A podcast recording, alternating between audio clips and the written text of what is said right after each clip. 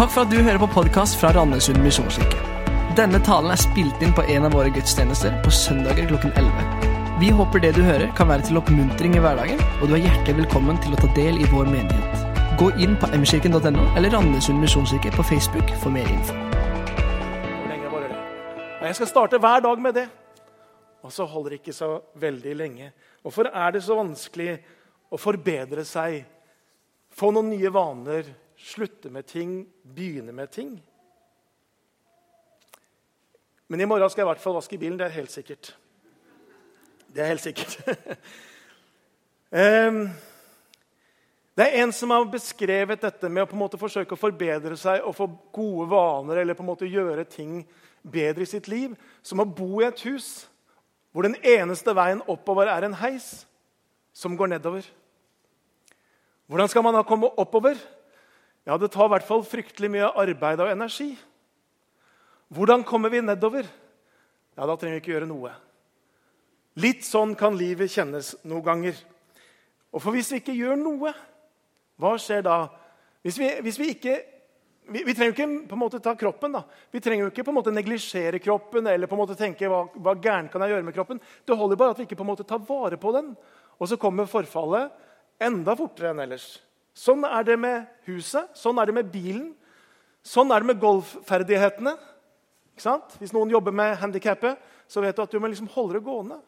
Sånn er det med tysken. Jeg hadde fire år med tysk på skolen. Husker ikke én ting. Ikke sant? Og Ikke fordi liksom jeg bestemte meg for å glemme, men det er bare for at jeg har ikke holdt det gående. Jeg har ikke gjort noe med det. Jeg har ikke gjort noe innsats. Forfall er et sånt universelt prinsipp. Det kommer helt av seg selv. Vi trenger ikke løfte en finger for at forfallet kommer. Eller for å si på en annen måte, Hvis vi ikke løfter en finger, så kommer forfallet. På en måte, er, sånn er det. Gravitasjon er ikke bare en sånn naturlov, men det er liksom hele vår historie. Ting går nedover. Og Sånn er det også hvis man ønsker å gjøre framskritt eller vekst i personligheten viktigere ting enn å vaske bilen. Det som har med ens karakter for eksempel, å gjøre. Den vi er når ingen ser oss. Og Så kunne vi kanskje ha tenkt at det der, det, det vokser litt av seg sjøl. Og bare årene går, så blir jeg nok et litt bedre menneske. Eh, det tror jeg kanskje at jeg tenkte litt sånn da jeg var yngre. Så tenkte jeg bare jeg blir litt eldre, så skal jeg nok bli litt gladere, litt hyggeligere, litt snillere, litt varmere. Og så har jeg blitt 50 dette året her. Og så opplever jeg at tendensen er jo tvert imot noen ganger. Tendensen er jo heller at faktisk, hvis jeg ikke er bevisst, hvis jeg ikke passer på, ja, så skjer i hvert fall ikke den utviklingen på en positiv måte. Jeg kan oppleve å bli mer kynisk enn jeg var, og tenke det nytter ikke likevel. Forandring er ikke mulig. Jeg kan bli mer likegyldig. Og så kan jeg se tilbake på den på måte ungdommelige idealismen hvor jeg på en måte trodde at det var mulig å forandre denne verden. her.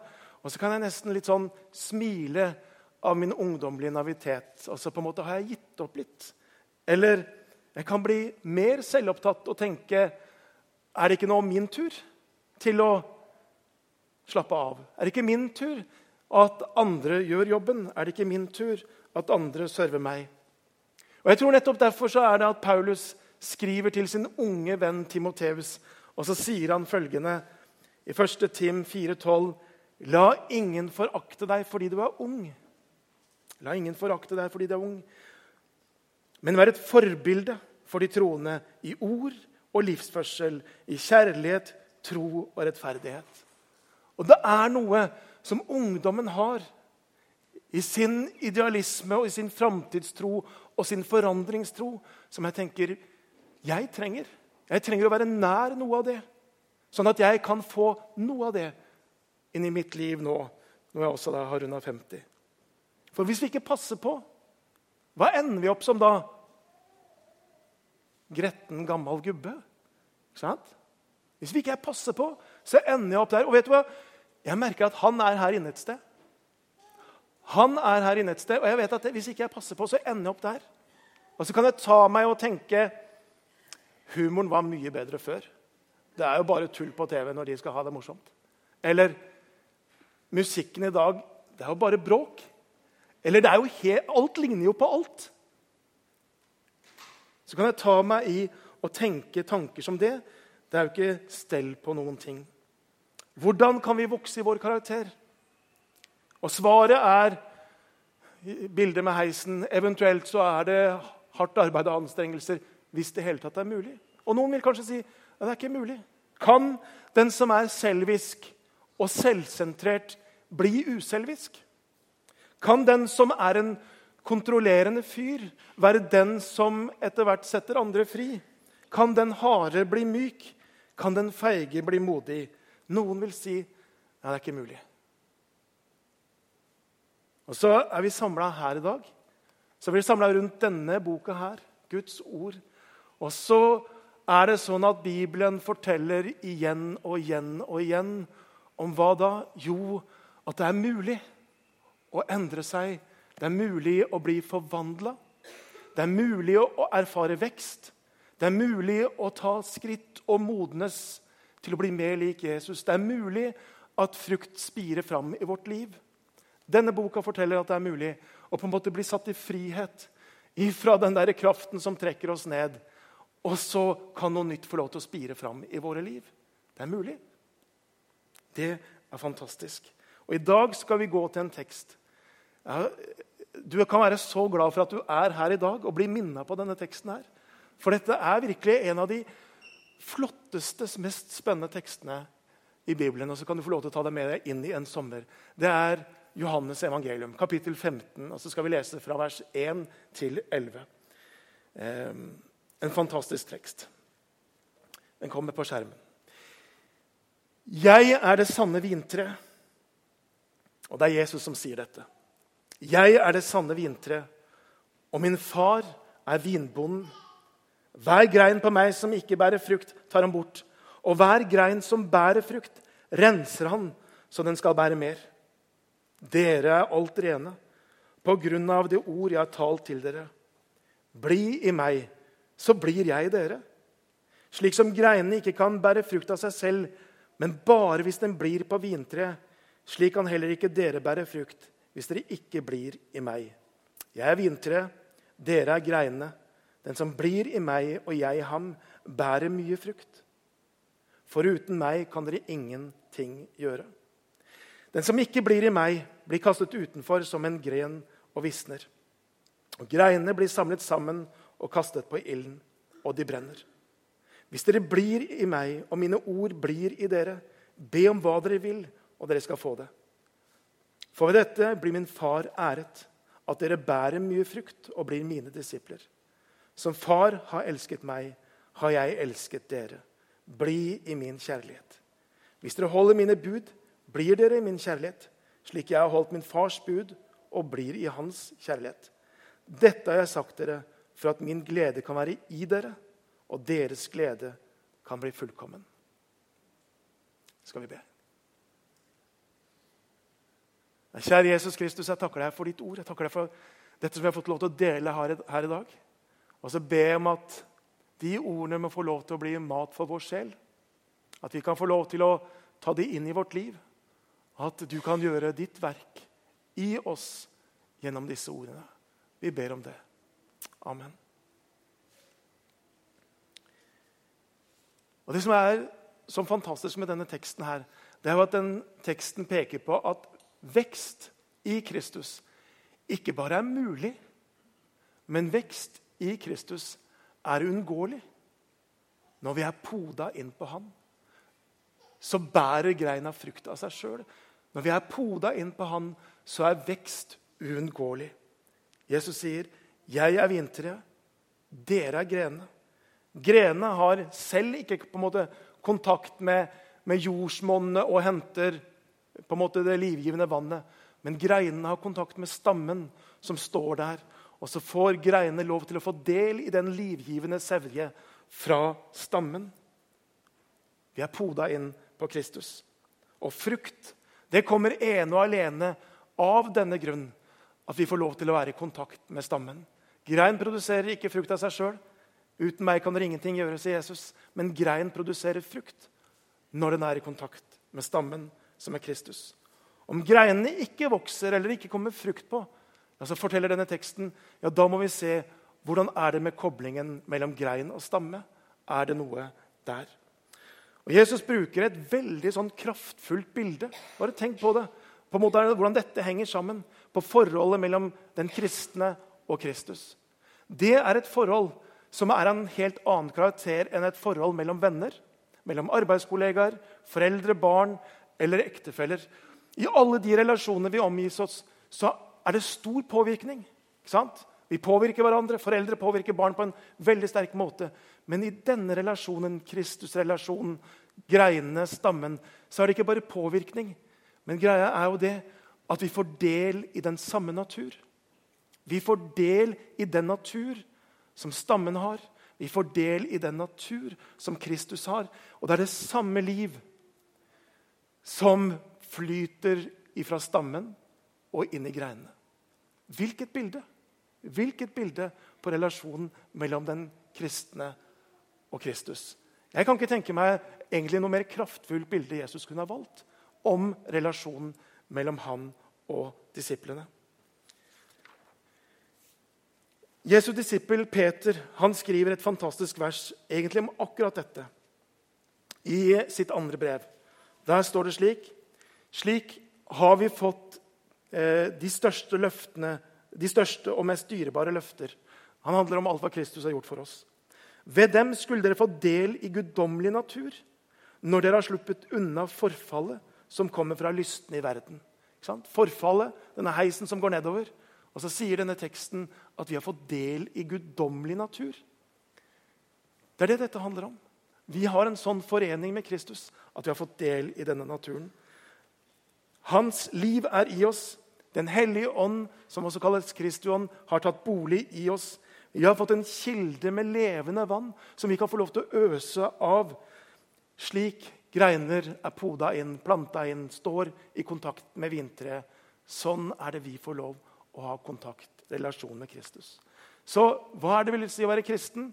Ja, Det er nemlig noe mer enn å på en måte holde noen læresetninger for sant. Dogmatisk. Det er noe mer enn å ha noen normer for livet. Det er noe mer enn å ha gjort noen erfaringer. Selv om alt det på en måte klinger med.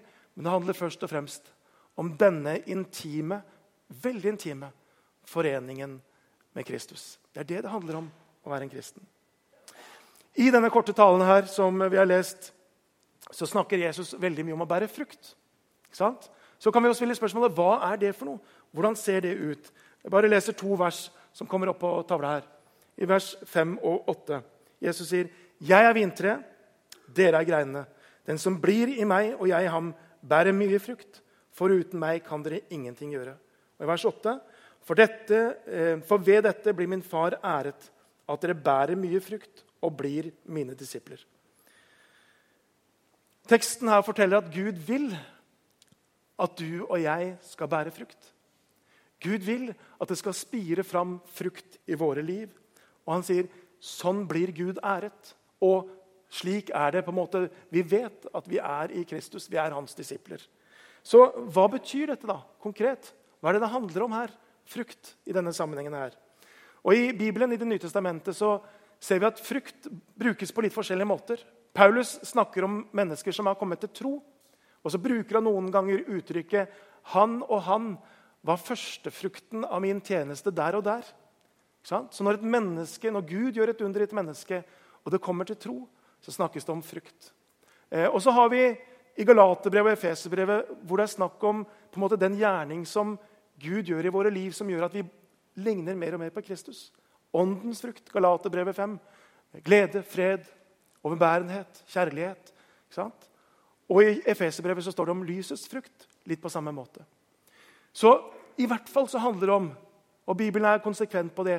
Når det er snakk om frukt, så handler det om at Gud gjør et forvandlende verk i et menneske. Til tro, til å bli lik Kristus, at mennesker kan bli frelst. Så Det er hva frukt handler om, hva Gud gjør i et menneskes liv. Og Jeg tenker at det finnes ikke noe større enn å se hvordan Gud jobber i mennesker handler med mennesker og på en måte forvandler dem.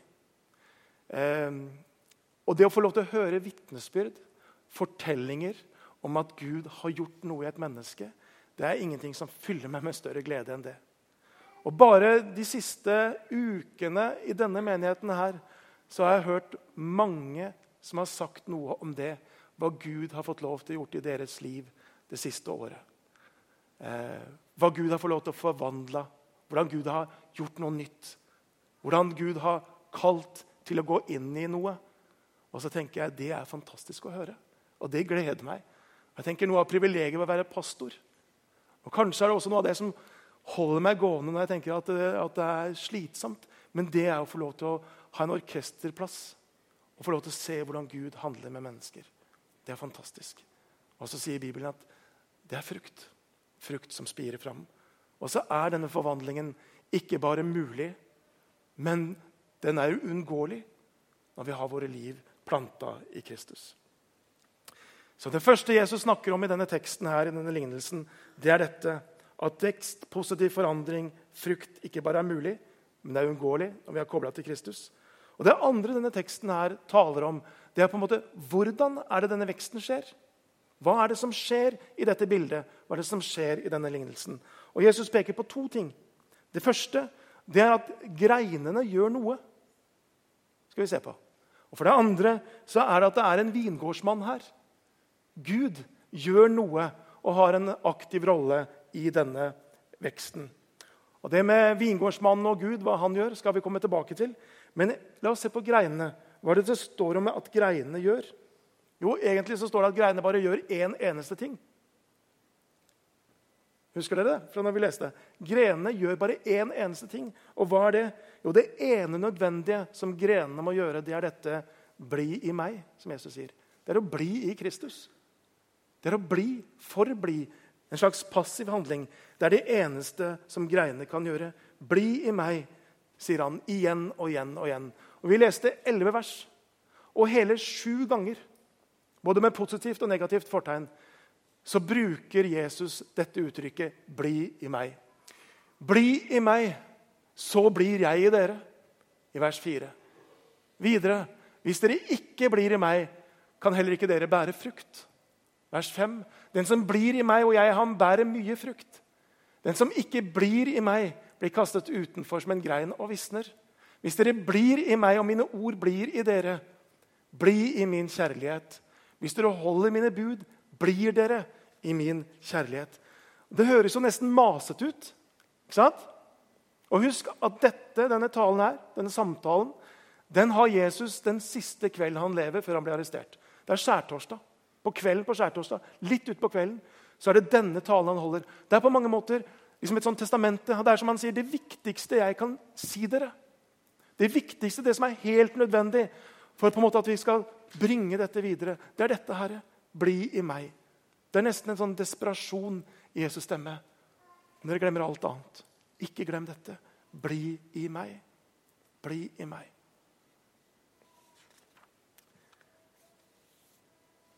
Og så er jeg litt sånn at jeg alltid når jeg hører sånn ja, Men hva betyr det, da? Sant? Hvordan gjør jeg det? Hvordan blir jeg i han? Hva handler det om? Og så tror jeg teksten gir oss hvert fall et par nøkler til dette, hvordan vi kan bli i han. I vers 6 I vers 7 så står det Hvis dere blir i meg, og mine ord blir i dere, skal vi kunne forbli i Kristus, skal vi kunne bli i ham, så er det én ting som er helt nødvendig. Det er at vi faktisk blir i hans ord. At vi bruker denne boka, Bibelen, som Gud har gitt oss, og lar oss fylle av den. At vi blir i det ordet. Skal livsstrømmen fra Kristus flyte inn i våre liv, ja, så er vi nødt til å la Guds ord flyte inn i våre liv. Så å lese det, ikke bare som informasjon, interessante historiske tekster som liksom vi kan reflektere rundt. Ikke bare lese det som inspirasjon, noen fine vers som kanskje vi kan dele på Facebook, men faktisk at det blir noe som vi spiser. Altså At vi tar det inn, at vi leser det, at vi mediterer over det, at vi grunner på ordet. At vi lar ordet bli en del av vår tenkning. At vi lar det bli det som preger vårt verdensbilde. At det blir, det som, at det blir en del av oss. Bli i mitt ord. Bli i mitt ord. Og la Hans ord bli i oss. Og så har jeg bare lyst til å si, Nå går vi inn mot en sommer. Og så har jeg lyst til å si, La denne på en måte friheten som sommeren gir oss, som en ferie gir oss, bruk den friheten til å fortsette å ta til deg av Guds ord. Til å fortsette å grunne på Hans ord. Til å fortsette å, å spise dette ordet. Eller kanskje det er tid hvor på en måte rutinene uansett blir annerledes. Og starte med noe som du tenkte det der har egentlig ligget litt på hylla. La sommeren bli en tid som du kan erfare vekst i ditt trosliv. En tid hvor du kan erfare at du kommer nærmere Kristus og ikke tar ferie fra Jesus, selv om ikke vi har gudstjenester i sommer. Det er mange muligheter til å bruke sommeren til en tid for å koble på. Jesus sier, 'Bli i meg, og la mine ord bli i dere'. Så Det er i hvert fall den ene nøkkelen. Den andre nøkkelen Det står her 'Som far har elsket meg, har jeg elsket dere'. Bli i min kjærlighet, står det. Ja, Hvordan ser det ut, da? Hvordan kan vi bli i hans kjærlighet? I det vi tar imot Jesus, så skjer det noe i våre liv. Av nåde blir vi frelst. Ikke sant? Av nåde blir vi frelst. Ikke, ikke av gjerninger, ingenting annet, men av nåde. Så Det er det ene som skjer. Det andre som skjer, det er at vi blir rettferdiggjort. Vi får Kristi rettferdiggjort tilkjent oss. Og Det står at våre liv er skjult med Kristus i Gud. Det betyr at når Gud ser på oss, så ser han Kristus og ser Kristus' rettferdighet. Når Gud ser på oss, så ser han oss hellige, feilfrie, uten lyte, som det står. Sånn er det Gud ser på oss. Når Gud på en måte tenker på oss og har sitt blikk på oss, så er det en tenkning og et blikk fylt av kjærlighet. Hans kjærlighet mot oss, den er konstant. Og den er like sterk fra det øyeblikk vi tok de små, første vaklende skrittene sammen med Jesus, til vi etter et langt liv med han har blitt modne og disippelgjort. Hans kjærlighet er nøyaktig den samme. Fordi vi er i Kristus. Han ser oss i Kristus. Så hans kjærlighet mot oss den er aldri i utvikling. Men det som kan utvikle seg, det er jo vår forståelse av det. Å forstå at Gud elsker oss. Den kan vokse. Eh, vår erfaring av det, den kan vokse. At vi kjenner oss elska.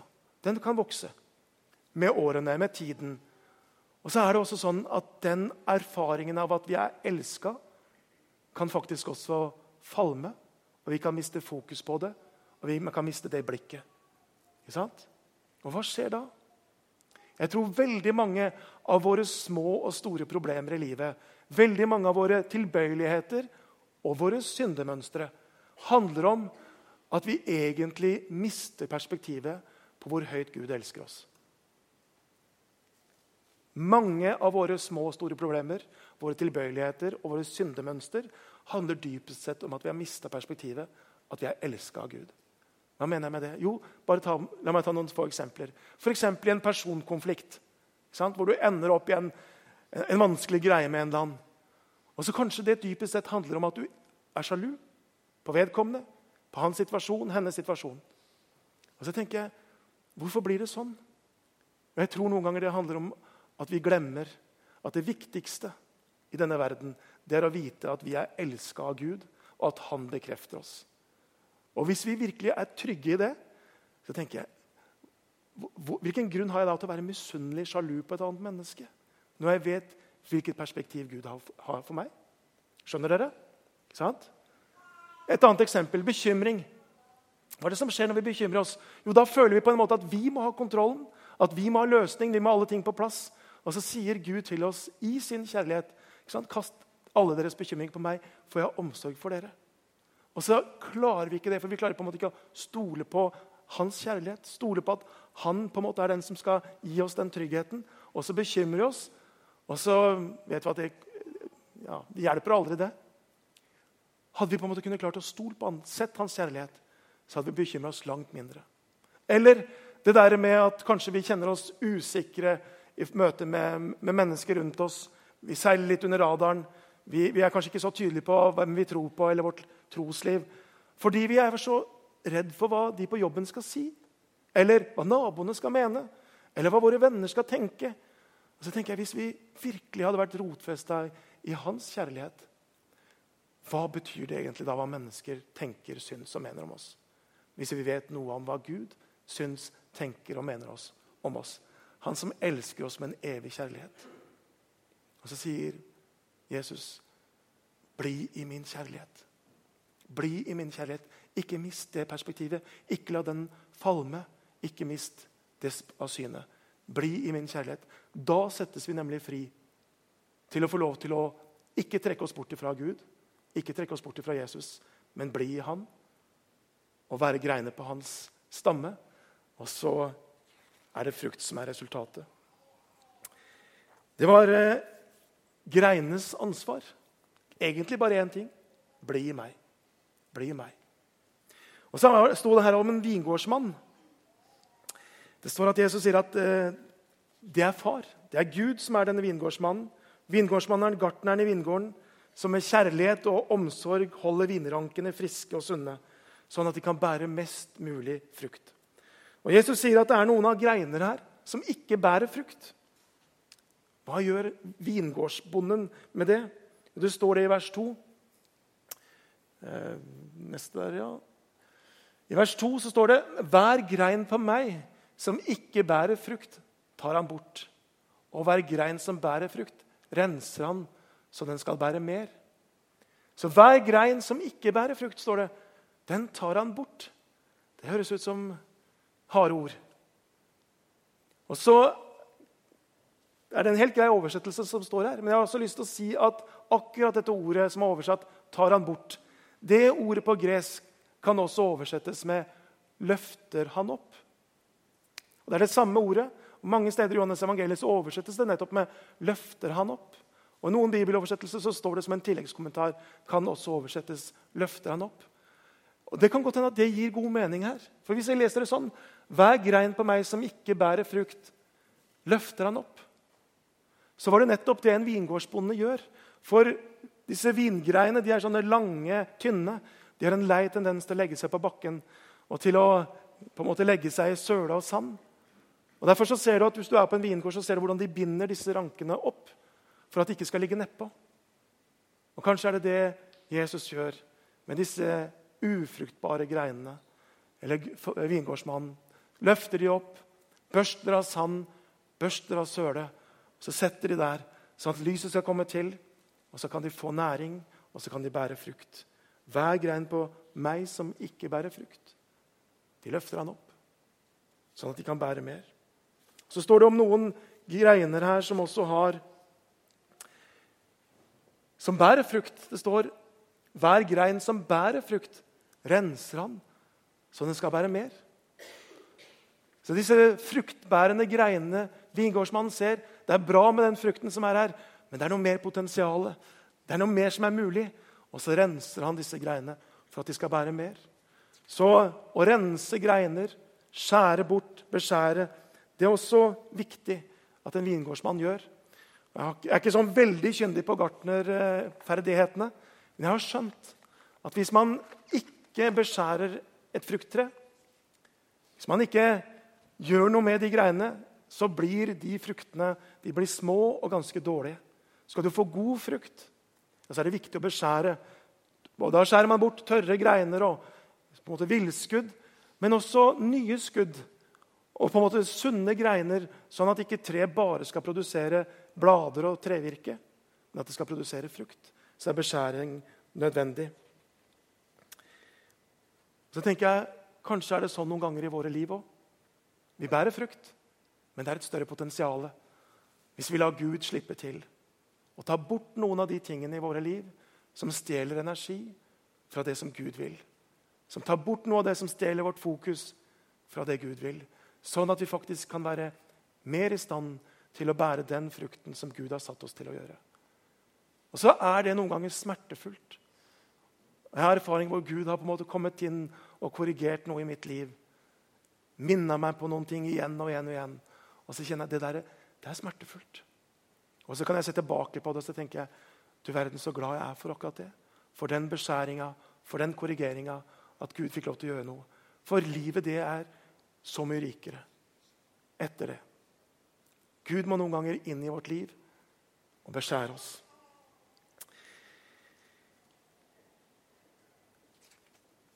Hva forteller denne teksten til deg? Det må du gjerne reflektere over. Jeg har lyst til å bare avslutte med å minne om fire ting. For det første så har jeg lyst til å si Tenk aldri smått om deg sjøl. Tenk aldri smått om ditt eget potensial.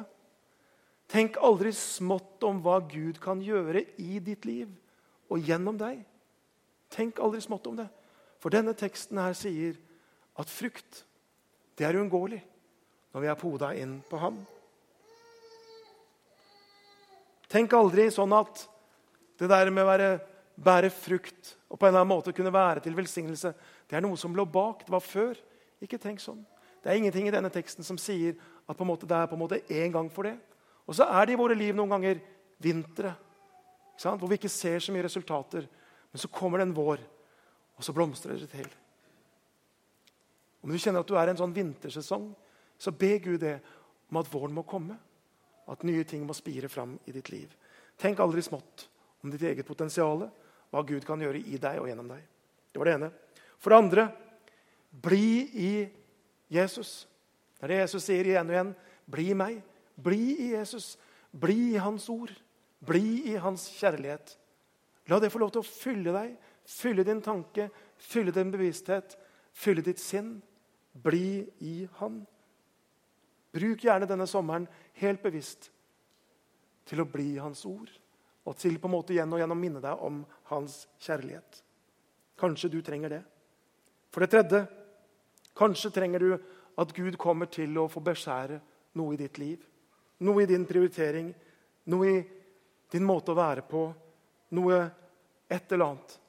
Og så er det sånn, så vil jeg tro at det er noe Gud har minna deg om lenge. Så når jeg, med en gang jeg sier det, så, så vet du egentlig hva det der handler om. Kanskje er det sånn. Og det siste så kan det jo hende at når vi har snakka om denne teksten her, og delt den teksten, eh, som er jo en sommergave egentlig til oss Når du, når du har hørt det, så kanskje du tenker vet du hva, jeg er faktisk usikker på om jeg er på det der vintreet. Jeg er faktisk usikker på det. Da kan du få lov i dag til å bli poda inne på vintreet. Så kan du i dag få lov til å kjenne hvordan, hvordan, Jesus tar deg imot. Han som står der med åpne armer og sier, 'Kom.' Og Hans invitasjon har vært overtydelig i dag. 'Bli meg, bli meg, bli meg.' Han vil at du skal komme. Så kanskje er du der, og så kan du få lov til å si til Jesus, 'Jesus, jeg har lyst til å leve med deg.' 'Jeg har lyst til å erfare ditt livgivende sevje inn i mitt liv.' Kanskje er du der.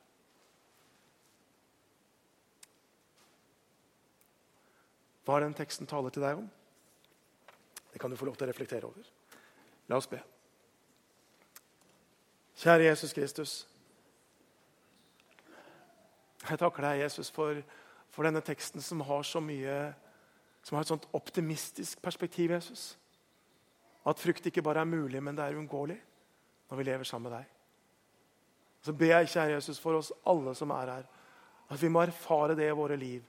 At du skaper forandring. At du skaper frukt i våre liv. Eh, både når det handler om vår karakter og at vi blir likere deg, men også frukt i det at vi kan få med oss andre Jesus og se nye få lov til å komme til. Jeg ber Jesus at du skal forme oss, at du skal beskjære oss når vi trenger det, Herre. Jeg ber at du skal utruste oss, Herre. Jeg ber at du skal bruke oss der du har satt oss, Herre. Så ber jeg for den sommeren som ligger foran. Du kjenner den enkelte av oss, og du vet hva, hva vi trenger. Jeg har bare lyst til å be at du, skal, at du skal følge oss, at du skal gjøre ditt verk i oss. At du er som vingårdsmannen kan få lov til å stelle med oss på den måten som vi trenger. Og så ser du hvem vi er, og så vet du akkurat hva den enkelte av oss trenger. Kjære Jesus Kristus. Jeg ber om at eh, vi skal få lov til å bære frukt også gjennom, i denne menigheten her, Jesus. At vi skal få lov til å være en menighet som tydeliggjør deg, Jesus, der vi er. At vi skal være en menighet som får lov til å få med oss nye Jesus eh, i livet med deg, Jesus. Amen.